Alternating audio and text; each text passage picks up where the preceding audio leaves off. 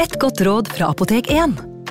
Nå er snart pollensesongen i gang, og et godt råd til deg som sliter med pollenallergi, er å begynne behandlingen i god tid før allergisesongen starter. Da får du nemlig enda bedre effekt av legemidlene, og så blir ikke våren din helt ødelagt. Kom innom og få råd på ditt nærmeste Apotek 1, eller chat med oss på apotek1.no. Apotek 1 vår kunnskap, din trygghet.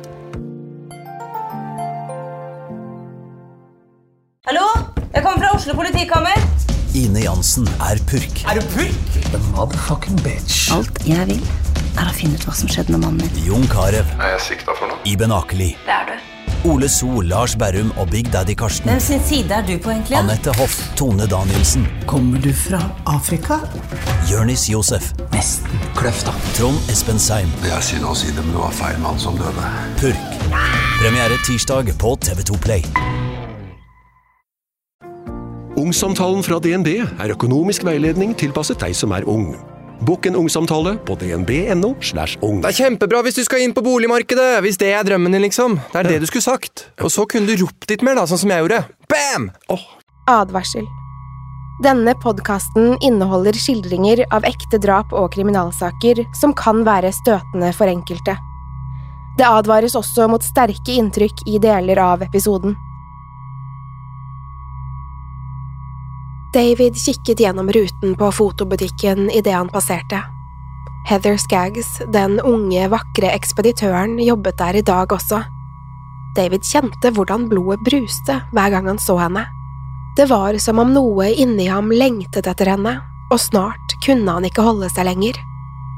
Hver dag den siste uken hadde han gått forbi i håp om at hun var på jobb. Det var nesten blitt som et ritual for ham, og hver gang hun ikke sto der, sank hjertet hans. Plutselig stoppet David opp og stirret som forhekset inn i butikken. Heather så opp og fikk øye på ham. Først så hun litt forundret ut og kikket nervøst på den tynnhårede, bebrillede mannen utenfor. Så smilte hun lett for å vise at han var velkommen inn. David tok mot til seg, pustet rolig inn gjennom nesen og åpnet døren til butikken. Heather hilste pent og spurte om hun kunne hjelpe ham med noe. David var ikke sen med å si at han ikke trengte hennes hjelp, men at han gjerne ville hjelpe henne. Hun rynket brynene og spurte hva han mente. Så fortalte David at han hadde hørt at hun var ute etter å kjøpe seg bil. Heather så litt fortumlet ut og kunne ikke skjønne hvordan han visste det. David sa at han hadde hørt det fordi han jobbet på fabrikken ved siden av, og da løsnet Heather litt. Hun sa at det stemte, og lurte på om han visste om noen gode tilbud. David stotret frem at han kjente en mann på den andre siden av byen som skulle selge bilen sin. Så tilbød han seg å kjøre henne dit. Heather nølte et øyeblikk, men kunne ikke finne noe vondt i Davids øyne. Stammingen hans og de runde brillene fikk ham til å fremstå harmløs. Heather smilte igjen, før hun godtok tilbudet. Da David forlot butikken, ringte Heather rett til kjæresten sin og fortalte den gode nyheten. Hun var ikke klar over at hun nettopp hadde sagt ja til å sitte på med San Franciscos farligste seriemorder, David Carpenter, The Trailside Killer. Velkommen til True Crime Podden.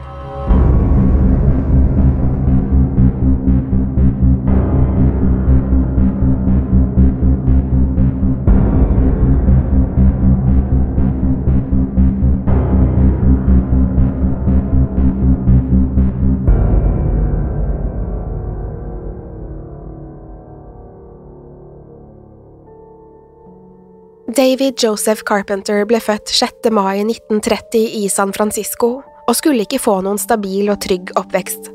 Faren Elwood var alkoholiker og kunne bli voldelig om David ikke oppførte seg. Moren Frances plaget sønnen på sin helt egne måte. Hun kontrollerte hver minste del av livet hans og skal blant annet ha tvunget ham til å gå på ballett.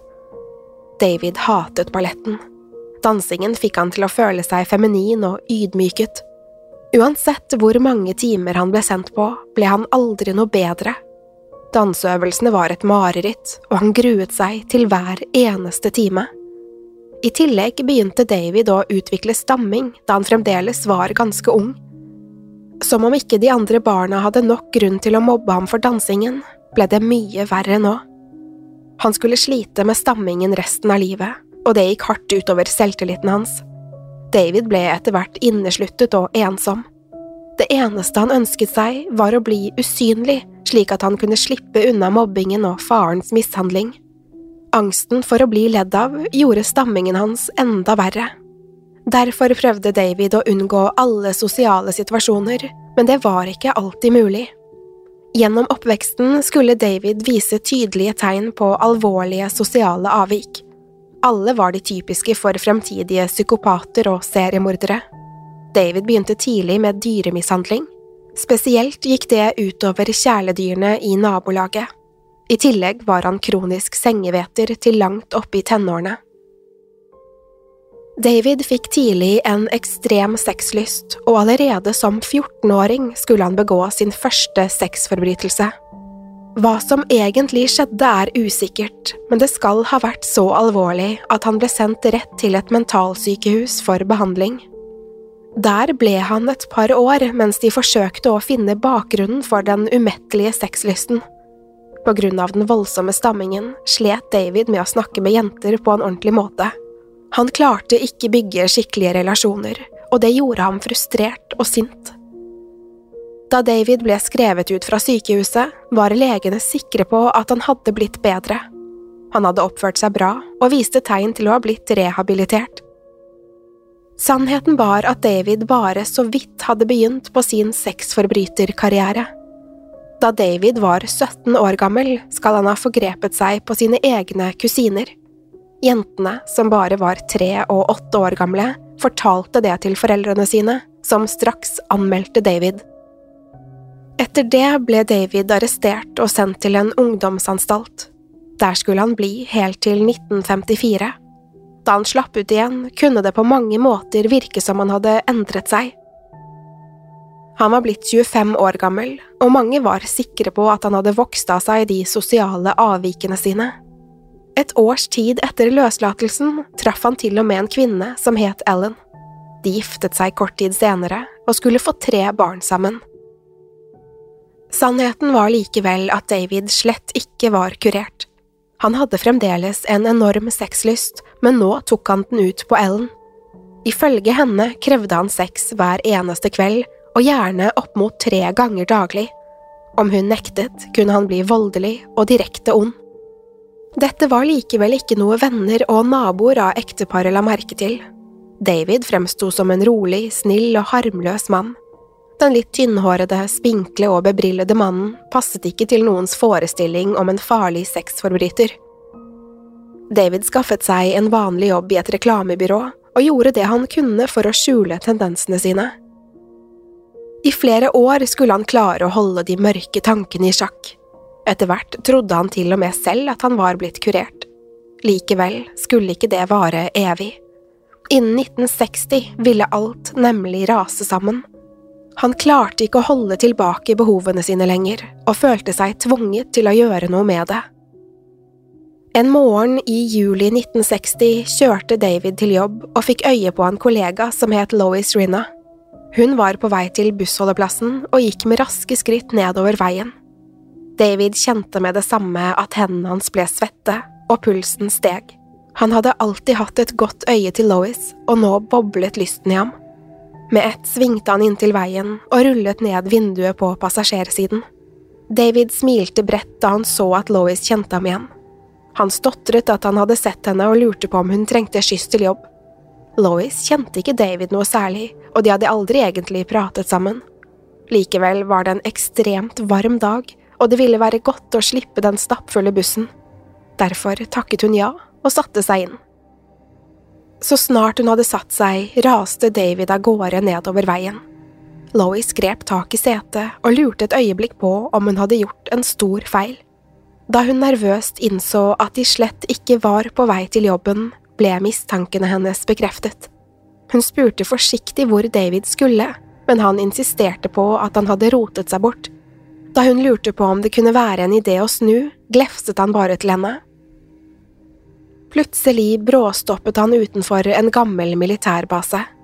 Før Lois en gang rakk å reagere, hadde David hoppet ut av bilen og åpnet passasjerdøren. Så grep han tak i håret hennes og dro henne med seg ut. Med en kniv mot strupen hennes hadde han advart henne mot å skrike, ellers kom han til å drepe henne. På rent instinkt hadde Lois hylt, og da gikk David til angrep. Han bandt henne fast med en klessnor før han begynte å stikke henne i magen med kniven. Det David ikke var klar over, var at en soldat fra militærbasen hadde blitt mistenksom da de kjørte forbi. Han fulgte etter på god avstand mens han holdt øye med dem. Idet han hørte Lois skrike, begynte han å løpe mot dem. Han kom frem akkurat idet David løftet en hammer over hodet og slo Lois alt han kunne i ansiktet. Soldaten ropte og ba David slutte. Da hadde David snudd seg og fisket frem en pistol fra lommen. Han siktet på soldaten og avfyrte et skudd. Kulen føk forbi soldatens hode og forsvant i det fjerne. Da løftet soldaten sin egen pistol og fyrte av fire skudd mot David. Han var mye mer treffsikker, og David ble skutt i benet og magen. Mens David sank sammen på bakken, fikk soldaten tak i en ambulanse. Lois ble hastet til sykehuset med enorme skader. På mirakuløst vis overlevde hun angrepet og kunne vitne mot David i retten. David ble dømt til 14 års fengsel for bortføring og drapsforsøk. Denne gangen skulle han ikke slippe ut før de var sikre på at han ikke lenger var noen fare for seg selv eller andre. Så snart David var bak lås og slå, skilte Ellen seg fra ham og reiste av gårde med barna. Hun ville ikke ha noe å gjøre med ham lenger. Nok en gang var David alene. Til tross for at livet hans nå lå i grus, oppførte han seg bra i fengselet så bra at han ble innvilget tidlig løslatelse etter kun syv og et halvt år. Nå som han var ute igjen, var han ikke sen med å fortsette der han slapp. Etter kun et år i det fri ble han arrestert og siktet for et nytt voldtektsforsøk. Denne gangen skulle han også slippe ut for god oppførsel etter ni år. Da han var ute, virket han like rolig og snill som han hadde gjort i fengselet. Sannheten var likevel at det kun var et skalkeskjul under overflaten var han like desperat og frustrert som han alltid hadde vært. Om morgenen 19. august 1979 kjørte David hjemmefra til et turområde i Marin County. Samtidig gikk 44 år gamle Edda Kane langs turstiene og trakk inn morgenluften. Vanligvis gikk hun tur i området med vennene sine, men denne morgenen var hun helt alene. Mens timene gikk og det begynte å bli kveld, ble Eddas ektemann bekymret. Han hadde verken sett eller hørt fra henne siden hun dro hjemmefra den morgenen. Ektemannen kontaktet politiet, som forsto alvoret i situasjonen. Det kunne jo hende hun hadde falt og skadet seg. En liten patrulje reiste til Marin County med hunder for å søke etter Edda. De lette hele natten uten å finne tegn til henne noe sted. Det var ikke før en ny patrulje begynte søket neste morgen at hun endelig ble funnet. Innerst på turstien lå det nakne liket hennes. Hun var blitt skutt i bakhodet og lå i en knelende positur. Alt av klær og eiendeler var borte, men morderen hadde ikke rørt smykkene hennes. Det så heller ikke ut som hun var blitt seksuelt misbrukt til tross for at hun ble funnet naken. Mer enn noe annet kunne drapet ligne en henrettelse. Politiet spekulerte straks i om gjerningsmannen hadde fått henne til å be om nåde før han skjøt henne. Posituren hennes kunne vitne om nettopp det. Politiet fortsatte å lete etter spor, men det var alt de klarte å finne. Det var ingenting på åstedet som kunne lede til noen mistenkte. Snart ble de nødt til å innse at gjerningsmannen var gått opp i røyk. Så noen måneder senere skulle det skje enda et drap som minnet urovekkende mye om drapet på Edda Kane. I mars 1980 gikk 23 år gamle Barbara Schwartz tur gjennom det samme området i Marin County. Barbara var godt kjent på stien og gikk ofte tur der med hunden sin. Plutselig møtte hun på en tynnhåret og bebrillet mann midt på stien. Han stanset henne og ba å få stille et par spørsmål. Barbara kikket seg rundt, men syntes etter hvert mannen virket harmløs. Derfor smilte hun og lot ham prate. Etter en stund ble de stående der på stien og snakke om alt og ingenting. Plutselig hadde mannen gjort en brå bevegelse, og Barbaras hund bjeffet. Da hun stirret opp på mannen, hadde han hentet frem en kniv fra innerlommen. Barbara rakk ikke engang å reagere før mannen begynte å stikke henne i brystet, igjen og igjen. Samtidig kom en kvinne gående lenger ned på stien. Hun fikk med seg hva som foregikk, og ropte til mannen at han skulle stoppe. Han stirret skarpt på henne, og hun satte på sprang nedover dalen. Kvinnen løp rett til nærmeste skogvokterhytte og fikk med seg to menn innover på stien. Da de kom frem, var mannen borte, og Barbaras nakne lik lå alene igjen på stien. Også hennes smykker var urørt, og hun lå i en knelende positur. Politiet ble straks tilkalt, men heller ikke denne gangen kunne de finne noen spor. Vitnet hadde blitt for redd da hun så hva som foregikk, så hun husket ikke hvordan mannen så ut. Det eneste de kunne finne, var et par blodige briller.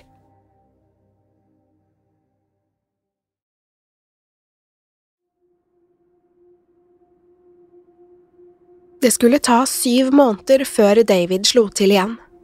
I oktober 1980 hadde 26 år gamle Ann Alderson gått tur i nøyaktig samme område, men ikke kommet hjem igjen. Liket hennes ble funnet et par dager senere, skutt i hodet. Denne gangen var offeret også blitt seksuelt misbrukt på det groveste. Likevel kunne det også her se ut som en metodisk henrettelse. Panikken vokste i Marion County. Det kunne virke som en seriemorder var løs, og ingen visste hvem det kunne være. Lokalavisene begynte å skrive om drapene og døpte den ukjente morderen til The Trailside Killer fordi likene ble funnet langs turstier. Turområdene, som en gang hadde vært fulle av folk, var nå nærmest forlatt. Mens Marion County sto på hodet, bestemte David seg for å reise til Point Race og besøke nasjonalparken der i november 1980. I det samme området gikk 25 år gamle Shona May tur langs stiene. Hun hadde planer om å møte venner på en parkeringsplass på den andre siden av nasjonalparken, men møtte aldri opp. Vennene ble straks bekymrede og kontaktet politiet. I to dager finkjemmet letemannskaper området, og til slutt skulle de få resultater. I krattet like utenfor turstien lå det nakne liket av Shona May og hun var ikke alene. I buskene ble det funnet totalt fire lik. I tillegg til Shona ble likene av Diana O'Connell, Cynthia Morland og Richard Stowes funnet. Alle var mellom 18 og 25 år gamle og var blitt skutt i hodet. I tillegg var Shona, Diane og Cynthia blitt seksuelt misbrukt. Alle sammen ble funnet i nedverdigende og underdanige positurer, akkurat som de tidligere ofrene. De fleste hadde klærne under seg, som tydet på at de hadde blitt tvunget ned i knestående før de ble skutt. Det var også en annen ting som koblet drapene sammen. Alle ofrene, både i Marion County og nasjonalparken i Point Race, var blitt skutt med samme type ammunisjon. Nå spredte frykten seg i hele San Francisco-området. Det var ikke lenger noen tvil. The Trailside Killer var ekte og ekstremt aktiv. Turstiene i hele området ble tømt for folk, og ingen turte å bevege seg ute alene. Ingen, bortsett fra ett vitne, hadde sett morderen, så det var umulig å vite hvem man skulle passe seg for. Politiet, skogvoktere og frivillige patruljerte langs stiene i håp om å finne noe. Likevel dukket det ikke opp et eneste spor som kunne lede til noen mistenkte. Ukene gikk, og det dukket ikke opp flere lik langs stiene. Etter hvert som avisartiklene ble færre, begynte også folk så smått å vende tilbake til området. Etter flere uker uten nye funn bestemte 20 år gamle Ellen Hansen og kjæresten hennes Steven seg for å campe i Redwood State Park. Nasjonalparken lå i Santa Cruz og var i utgangspunktet et ypperlig sted å telte. Det de ikke visste, var at de ikke var alene på stiene. 29. mars 1981, etter å ha sovet over i telt en natt, bestemte paret seg for å besøke et gammelt utkikkstårn i nærheten. De var kun én kilometer unna tårnet da de plutselig ble møtt av en spinkel og bebrillet mann. Det kunne nærmest virke som han hadde kommet rett ut av skogen, og nå pekte han en pistol mot paret. Mannen gikk rolig bort til Ellen og Steven mens han truet dem med pistolen. Han siktet den mot Steven og sa at han hadde tenkt til å forgripe seg på Ellen. Om Steven prøvde seg på noe, kom han til å skyte dem begge i hodet. Steven prøvde å snakke med den ukjente mannen, men Ellen stoppet han. Hun var en modig kvinne og gikk rett bort til mannen med pistolen. Hun så ham inn i øynene og sa at han kom til å skyte dem likevel, så det var ikke noe poeng i å trygle. Det var det siste Ellen skulle gjøre. Mannen løftet pistolen mot hodet hennes og trykket på avtrekkeren.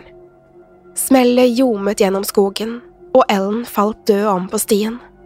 Steven ble først stående i sjokk før han satte på sprang nedover bakken. Likevel var morderen raskere enn han. To nye smell fylte luften, og Steven ble truffet i ryggen. Mannen tok et siste blikk på paret før han løp sin vei. Borte ved utkikkstårnet var det allerede flere turgåere. De hadde hørt skuddene, og nå fikk de se en mann med briller som løp forbi i full fart.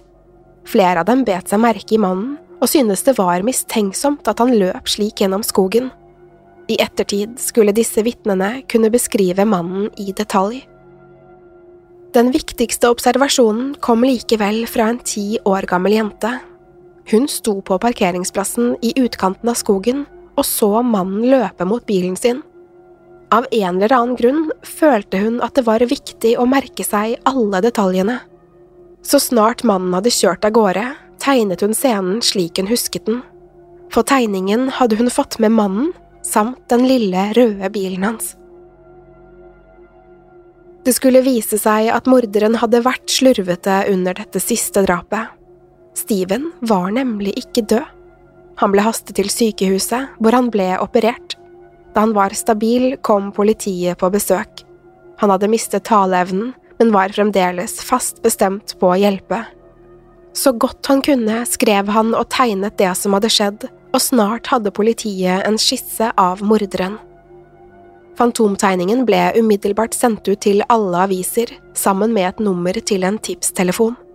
Snart rant det inn tips fra hele San Francisco fra folk som mente de kjente mannen. En av de som ringte inn, var en kvinne som mente hun hadde møtt mannen en gang for mange år siden. Hun påsto at mannens navn var David Carpenter. Selv om dette var til stor hjelp for politiet, fantes det mange i San Francisco med det navnet. Dermed var det fremdeles mange mistenkte å gå gjennom før de kunne finne den virkelige gjerningsmannen. Mens de gjorde det, hadde David tid til å lese avisene. Da han fikk se fantomtegningen, ble han nervøs. Det kunne virke som politiet var mye nærmere enn han trodde. David var nødt til å gjøre noe om han ikke skulle bli tatt. Til å begynne med gjorde han alt han kunne for å endre utseendet sitt. Han vokste ut skjegget og byttet briller. I tillegg skaffet han seg en ny jobb slik at han skulle fremstå mest mulig vanlig. Likevel skulle det ikke ta lang tid før de mørke tendensene vendte tilbake. Ved siden av den nye jobben hans lå en fotobutikk. Der jobbet en ung kvinne som het Heather Skaggs. Heather var 20 år gammel og hadde nylig begynt i jobben. David kikket på henne hver gang han gikk forbi, og ventet på det rette øyeblikket. På en eller annen måte hadde David fått med seg at Heather var på leting etter en bil. Dette var han sikker på at han kunne bruke til sin fordel. Den 1. mai 1981 gikk David inn i butikken og hilste på Heather. Så fortalte han at han visste om en mann som skulle selge bilen sin, og tilbød seg å kjøre henne dit. Han sa også at tilbudet på bilen var så godt at hun ikke burde fortelle om det til noen. Heather bestemte seg likevel for å fortelle det til kjæresten sin. Han stolte ikke helt på David og hadde sett ham stirre hver gang han gikk forbi. Derfor sa han at han kom til å melde henne savnet om hun ikke var hjemme igjen til klokken syv. Da kvelden kom og kjæresten ennå ikke hadde hørt fra Heather, ringte han rett til politiet. Nå visste de nøyaktig hvem hun hadde vært sammen med like før hun forsvant. Heathers kjæreste og kolleger pekte ut David Carpenter som eneste mulige gjerningsmann. Politiet oppsøkte Davids adresse og banket på, det tok ikke lang tid før de innså at David var slående lik skissen av The Trailside Killer. Da de i tillegg fikk se den lille røde bilen i oppkjørselen, var de overbevist. David ble tatt med til politistasjonen, hvor han ble spurt om Heather Skaggs. Til å begynne med nektet han å snakke, og om han først snakket, stammet han voldsomt. Til slutt bestemte politiet seg for å la ham gå. David oppførte seg mistenkelig, men de hadde ikke nok bevis til å sikte ham. Likevel ble de enige om å følge med på ham i tiden fremover. I over en uke ble David overvåket natt og dag. Uansett hvor han dro eller hvem han møtte, var politiet like bak.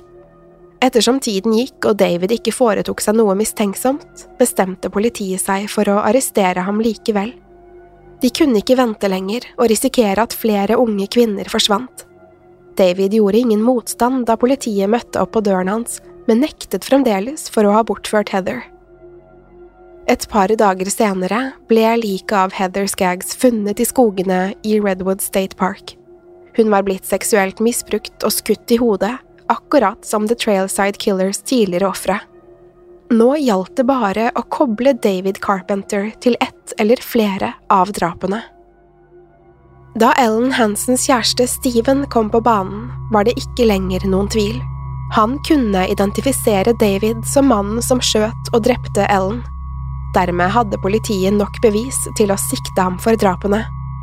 Da David ble ført for retten, stammet han så voldsomt at han nesten ikke kunne sitte stille. Det skulle ta lang tid før David fikk straffen han fortjente. Den 18. mai 1988, syv år etter drapet på Heather Skaggs, ble han offisielt dømt til døden for drap, overgrep og bortføring. Så snart David var blitt arrestert, stanset drapene langs turstiene i San Francisco. The Trailside Killer var nå bak lås og slå, og han ville aldri få se utsiden av murene igjen.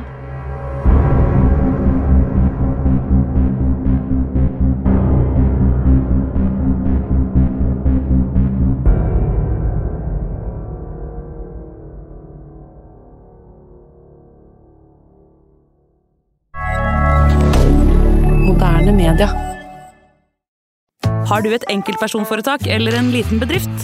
Da er du sikkert lei av å høre meg snakke om hvor enkelt det er med kvitteringer og bilag i fiken, så vi eh, gir oss her, vi. Fordi vi liker enkelt. Fiken superenkelt regnskap. Hei! Takk for at du lytter til True Crime Podden. Skulle du ønske at du kunne høre en ny episode av denne podkasten hver eneste uke? Vel, da er det bare å laste ned podkastappen Untold med en gang. I tillegg til ukentlige episoder av podkaster som Skrekkpodden, Synderne og Henrettelsespodden, får du masse annet reklamefritt og eksklusivt innhold. Last ned Untold i AppStore eller Google Play, og start din 30 dagers prøveperiode i dag.